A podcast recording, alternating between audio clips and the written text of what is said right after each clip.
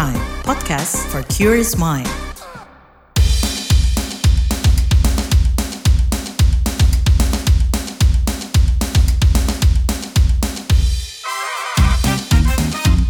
What's Trending KBR Pagi, siaran pagi radio paling update.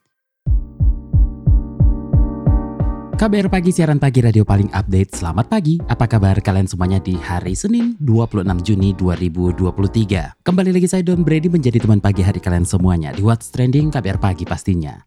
Jadi belakangan kasus rabies itu merebak di masyarakat ya. Bahkan di beberapa daerah seperti Kabupaten Sika dan Kabupaten Timur Tengah Selatan Nusa Tenggara Timur, status kejadian luar biasa sudah diterapkan. Penerapan KLB lantaran ratusan warga di NTT tertular rabies. Di NTT tercatat 10 orang meninggal akibat rabies. Berdasarkan laman Kementerian Kesehatan, kasus penularan lewat gigitan hewan mencapai lebih dari 31 ribu.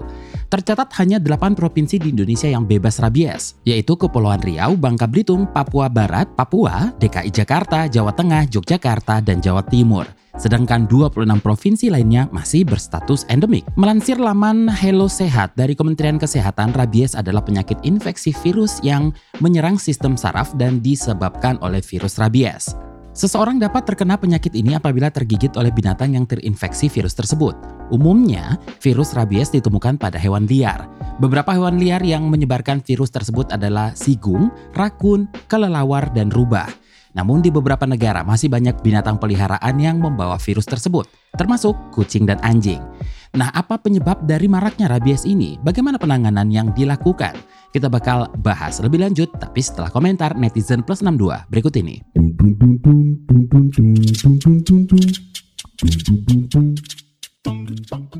Pertama, at Atika XX. Sudah 16 orang yang digigit anjing rabies di daerahku. Jadi makin waspada keluar rumah karena banyak banget anjing berkeliaran di komplek. At Human XX, di Bali lagi marak virus rabies, mana gue mau pindah ke Bali? At Oleander XX statistik oleh WHO, meskipun anjing bukanlah satu-satunya penyebab utama virus bermateri genetik RNA, utasan tunggal dengan sense negatif ini, rakun, kelelawar, dan rubah juga dapat menyebarkan virus yang sama. Akan tetapi, anjing adalah penyebab utama rabies ini karena jumlahnya yang banyak. At Arlandi XX Kucing juga penularan rabies. At cowok XX, vaksin rabies please.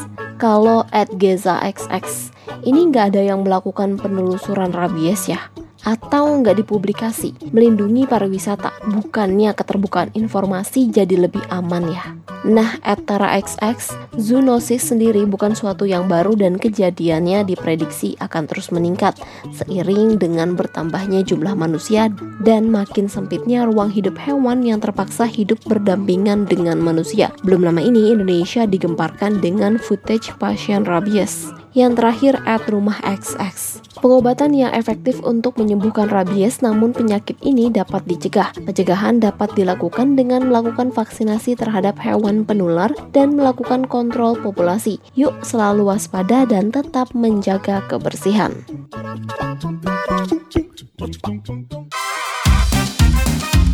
What's Trending KPR Pagi, siaran pagi radio paling update. Kita lanjutkan obrolan kita pagi ini gimana penanganannya di beberapa wilayah vaksin rabies digencarkan nih.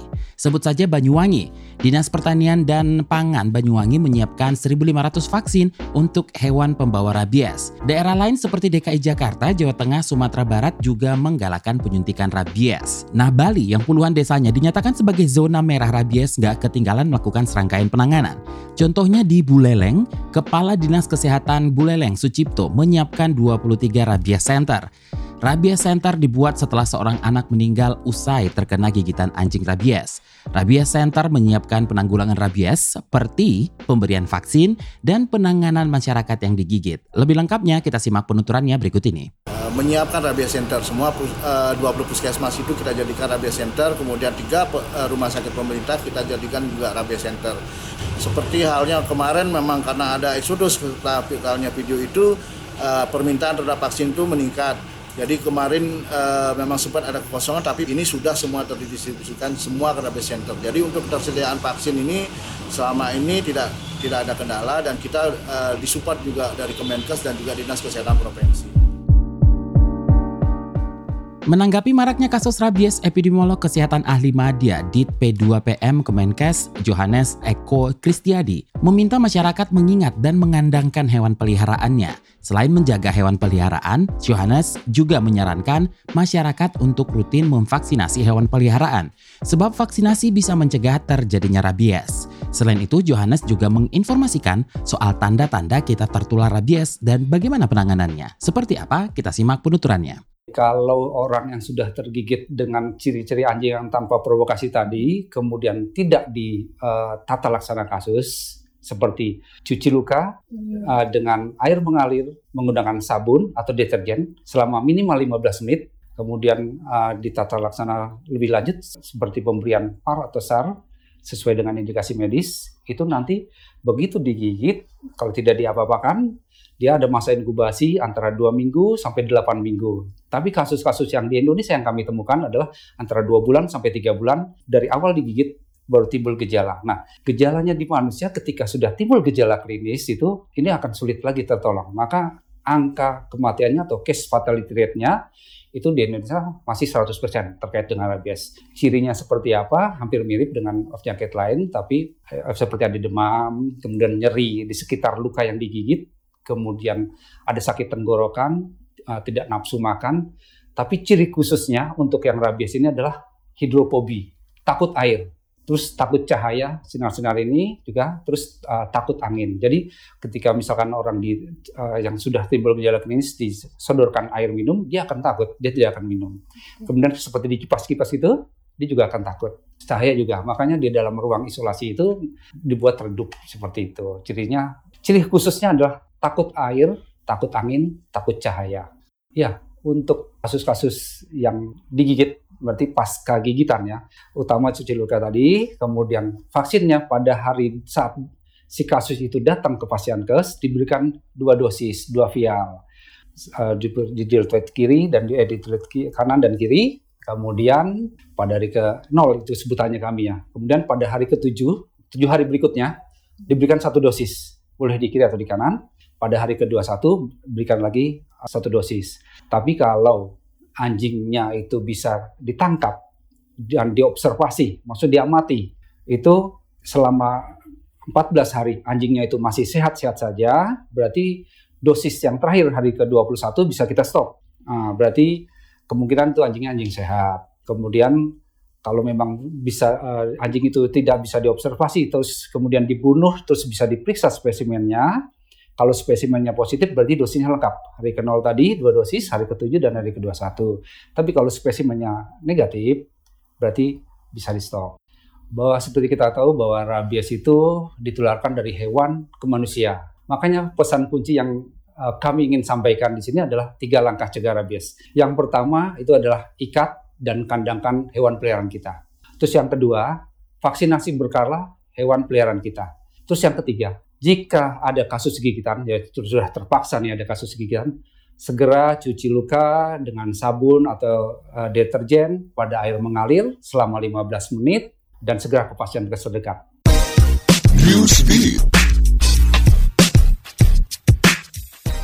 Usai menggerakkan pasukannya untuk menyerbu Moskow, bos tentara bayaran Wagner Group, Yevgeny Prigozhin, mengklaim sepakat meninggalkan Rusia. Keputusan ini dibuat dengan serangkaian kesepakatan antar Rusia dan tentara bayarannya. Wagner adalah unit paramiliter swasta tentara bayaran Rusia yang bertempur di Ukraina. Sebelum mengambil alih militer di Rostov dan berniat menyerbu Moskow, dikabarkan bos Wagner dan petinggi Rusia berseteru. Perseteruan ini mengakibatkan pemberontakan dan penyerangan terhadap Rusia.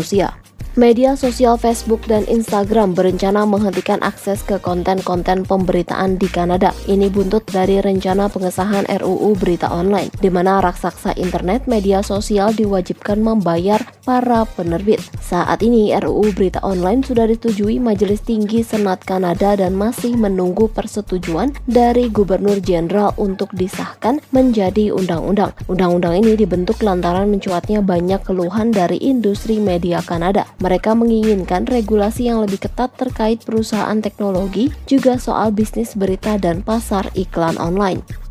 Tak hanya Coldplay, kini musisi Taylor Swift juga menambah jadwal konsernya di Singapura. Awalnya Taylor hanya direncanakan konser selama tiga hari, namun pihak promotor AEG Present Asia mengungkapkan Taylor menambahkan jadwalnya jadi enam hari, yaitu pada 2 sampai 3 Maret 2024, lalu dilanjutkan pada 7 sampai 9 Maret 2024. Pihak promotor mengungkapkan penambahan jadwal dilakukan karena membludaknya permintaan dari para penggemar penggemar terhadap konser yang bertajuk Taylor Swift The Eras Tour.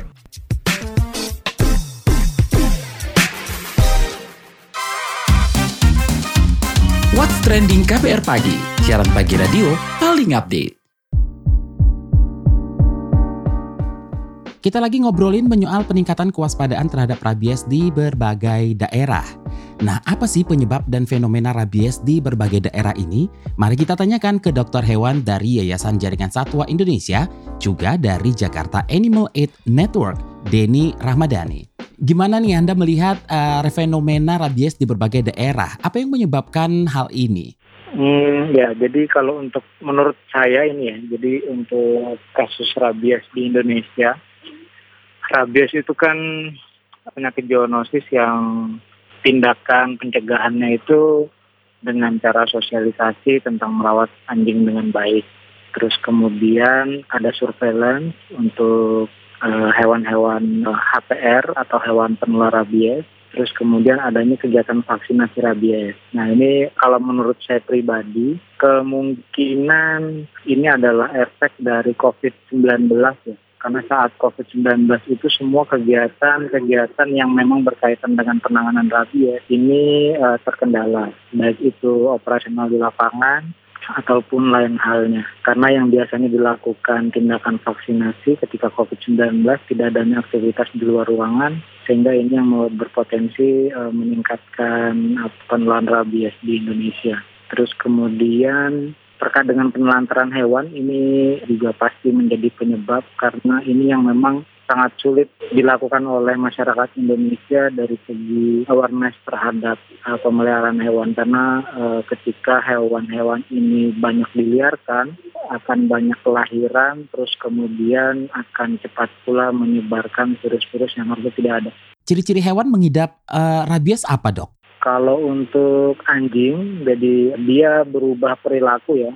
Jadi yang tadinya jinak menjadi ganas, terus kemudian yang ganas menjadi jinak tiba-tiba. Ini menjadi gejala khas dari rabies itu sendiri. Tapi semakin ke sini kelihatannya rabies juga berubah ya perilakunya.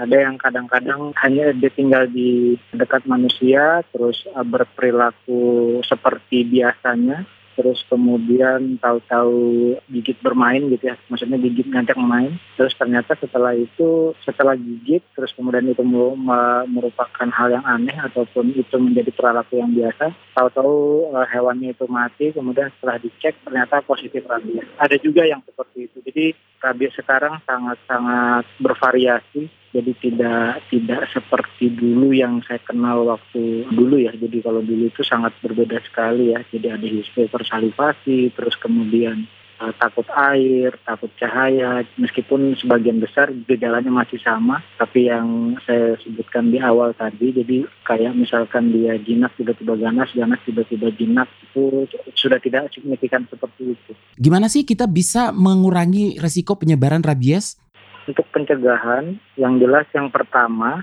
tidak meliarkan hewan peliharaan anjing kucing ya karena meliarkan itu potensi penularannya karena memang penularannya hanya terjadi saat melalui gigitan proses meliarkan hewan tersebut menjadi salah satu penyebab terus kemudian ini perlu e, perawatan secara intensif tidak diliarkan di di dalam rumah tidak juga diikat. Jadi bagaimanapun dia juga harus melakukan perilaku normalnya. Tapi dalam arti tidak dibiarkan kontak dengan anjing lain yang kemungkinan tertular ataupun menjadi HPR. Terus kemudian yang kedua, uh, ini sebaiknya dilakukan kegiatan sterilisasi terhadap anjing-anjing yang memang kucing yang menjadi uh, hewan penular rabies agar populasinya tetap terjaga sehingga mengurangi adanya anjing-anjing yang terlantar karena mungkin pemiliknya ketika hewannya itu anjing kucingnya itu satu terus kemudian dia rawat dengan baik tapi ternyata tidak dilakukan sterilisasi terus kemudian lahir. Lahir ada keengganan untuk memelihara anaknya terus kemudian anaknya dibuang dan lain sebagainya. Nah ini kemudian mereka tumbuh dewasa sehingga menjadi eh, hewan-hewan liar yang kemudian bisa menjadi sumber penular Terus kemudian perlu lagi dilakukan kegiatan sosialisasi penyedertahuan terkait dengan uh, bagaimana uh, pemeliharaan anjing dan kucing atau HPR dengan baik dan tidak memel mencoba memelihara satwa liar yang memang kemungkinan juga bisa berpotensi menjadi HPR dan lain sebagainya. Jadi melakukan pemeliharaan hewan yang memang sudah banyak atau anjing kucing yang yang memang umum dipelihara. Jadi tidak memelihara satwa liar yang tidak umum dipelihara seperti monyet dan lain sebagainya. Ini juga penting untuk dilakukan. Terus sosialisasi, terus kemudian sterilisasi, jadi kontrol populasi, terus kemudian kegiatan tidak menelantarkan hewan, terus kemudian juga melakukan vaksinasi secara rutin, ini penting sekali. Jadi tidak hanya dari pemerintah yang aktif, tapi juga ini masyarakat juga sangat perlu melakukan kegiatan uh, vaksinasi ini karena memang uh, vaksinasi ini rutin dilakukan dan kewajiban masyarakat juga menanyakan ke dinas terkait atau terdekat terkait dengan kegiatan-kegiatan vaksinasi ini karena vaksinasi sangat penting untuk memberikan proteksi terhadap hewan peliharaan atau HPR yang kita pelihara. Tapi sejauh ini masyarakat kita sudah peduli terhadap kesejahteraan hewannya belum sih? Seperti vaksinasi gitu? Ya, semakin ke sini sebenarnya masyarakat kita sudah mulai semakin banyak yang peduli terhadap hewan pergerakannya tapi ya semakin ke sini semakin banyak juga diimbangi dengan adanya orang-orang yang masih kurang peduli gitu. Jadi masih tetap saja orang-orang yang masih menganggap kesejahteraan kesejahteraan hewan itu menjadi hal yang kesekian seperti itu. Jadi hal ini yang perlu dilihat dari berbagai macam sisi. Kalau kita bilang kita tidak aware, semakin ke sini kita semakin aware, tapi memang perlu merata seperti itu. Karena kalau tidak ada pemerataan terkait dengan kesejahteraan hewan, ya orang akan memelihara hewannya jadi semena-mena sehingga yaitu tadi kegiatan-kegiatan pemeriksaan kesehatan terus kemudian vaksinasi ini tidak dilakukan dengan baik. Selain anjing nih dok, uh, mungkin ada pendengar yang belum mengetahui ya hewan apa lagi yang uh, menyebabkan rabies dan perlu divaksinasi. Di Indonesia setahu saya itu sejauh ini masih anjing yang paling banyak terus kemudian ada kucing beberapa. Jadi belum ada laporan resmi, tapi setahu saya masih belum ada laporan resmi terkait dengan hewan lain yang bisa menularkan. Tapi memang kalau misalkan dilihat dari teori, hewan penular rabies itu adalah hewan yang memang berdarah panas dan dia mamalia. Jadi semua hewan itu selain anjing dan kucing itu berpotensi pula menyebarkan penyakit itu. Tapi sejauh ini setahu saya anjing yang paling banyak terus kemudian beberapa di kucing. Uh, dan hewan lain saya belum tahu dan makanya itu tadi saya himbau untuk tidak memelihara satwa liar agar penyebarnya tidak hanya anjing dan kucing karena sejauh ini di Indonesia tahu saya hanya anjing kebanyakan dan kucing kucing sebagian. Terus yang perlu diingat juga dan perlu dikampanyekan adalah lebih baik mengadopsi ya. Saya pribadi merekomendasikan untuk mengadopsi hewan daripada harus membeli hewan peliharaan karena mengadopsi itu kita juga membantu uh, adanya overpopulasi ya karena orang yang banyak orang yang kewalahan memelihara kucing daripada membeli kucing lebih baik melakukan adopsi seperti Ya kalau ngutip dari dokter uh, Denny tadi kesejahteraan hewan ini penting loh ya mencegah keberulangan kasus rabies mulai dari vaksinasi hingga kasus penelantaran hewan. Nggak cuma buat hewan, kesejahteraan hewan juga demi kesehatan kita ya. Terima kasih Dokter Denny Rahmadani, dokter hewan dari Yayasan Jaringan Satwa Indonesia.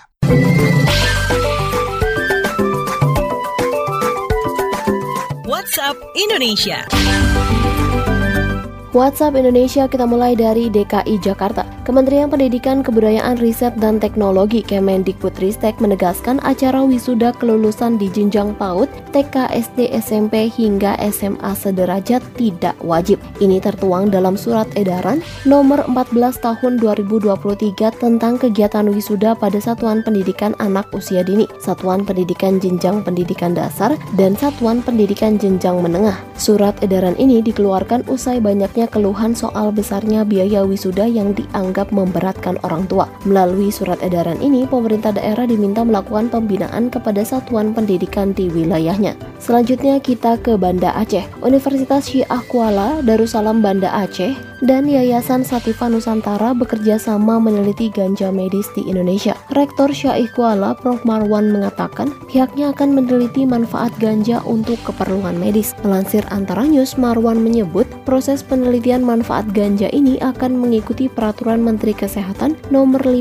tahun 2023. Dimulai dari penyusunan konsep penelitian dan mekanisme budaya. Dia memastikan penelitian dan pengkajian ganja ini akan diawasi oleh Kemenkes.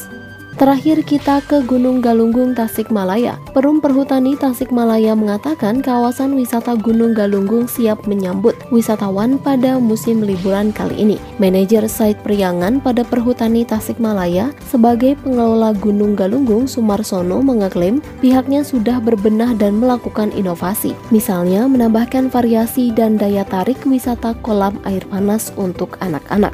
Tak hanya kolam air panas, pengelola wisata juga menyiapkan fasilitas kemah dan sepeda. Sumarsono merekomendasikan Gunung Galunggung menjadi destinasi wisata keluarga. Demikian WhatsApp Indonesia hari ini.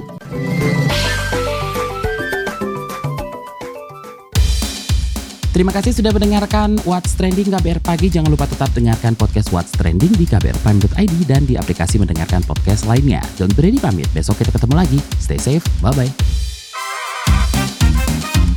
What's Trending KBR Pagi, siaran pagi radio paling update.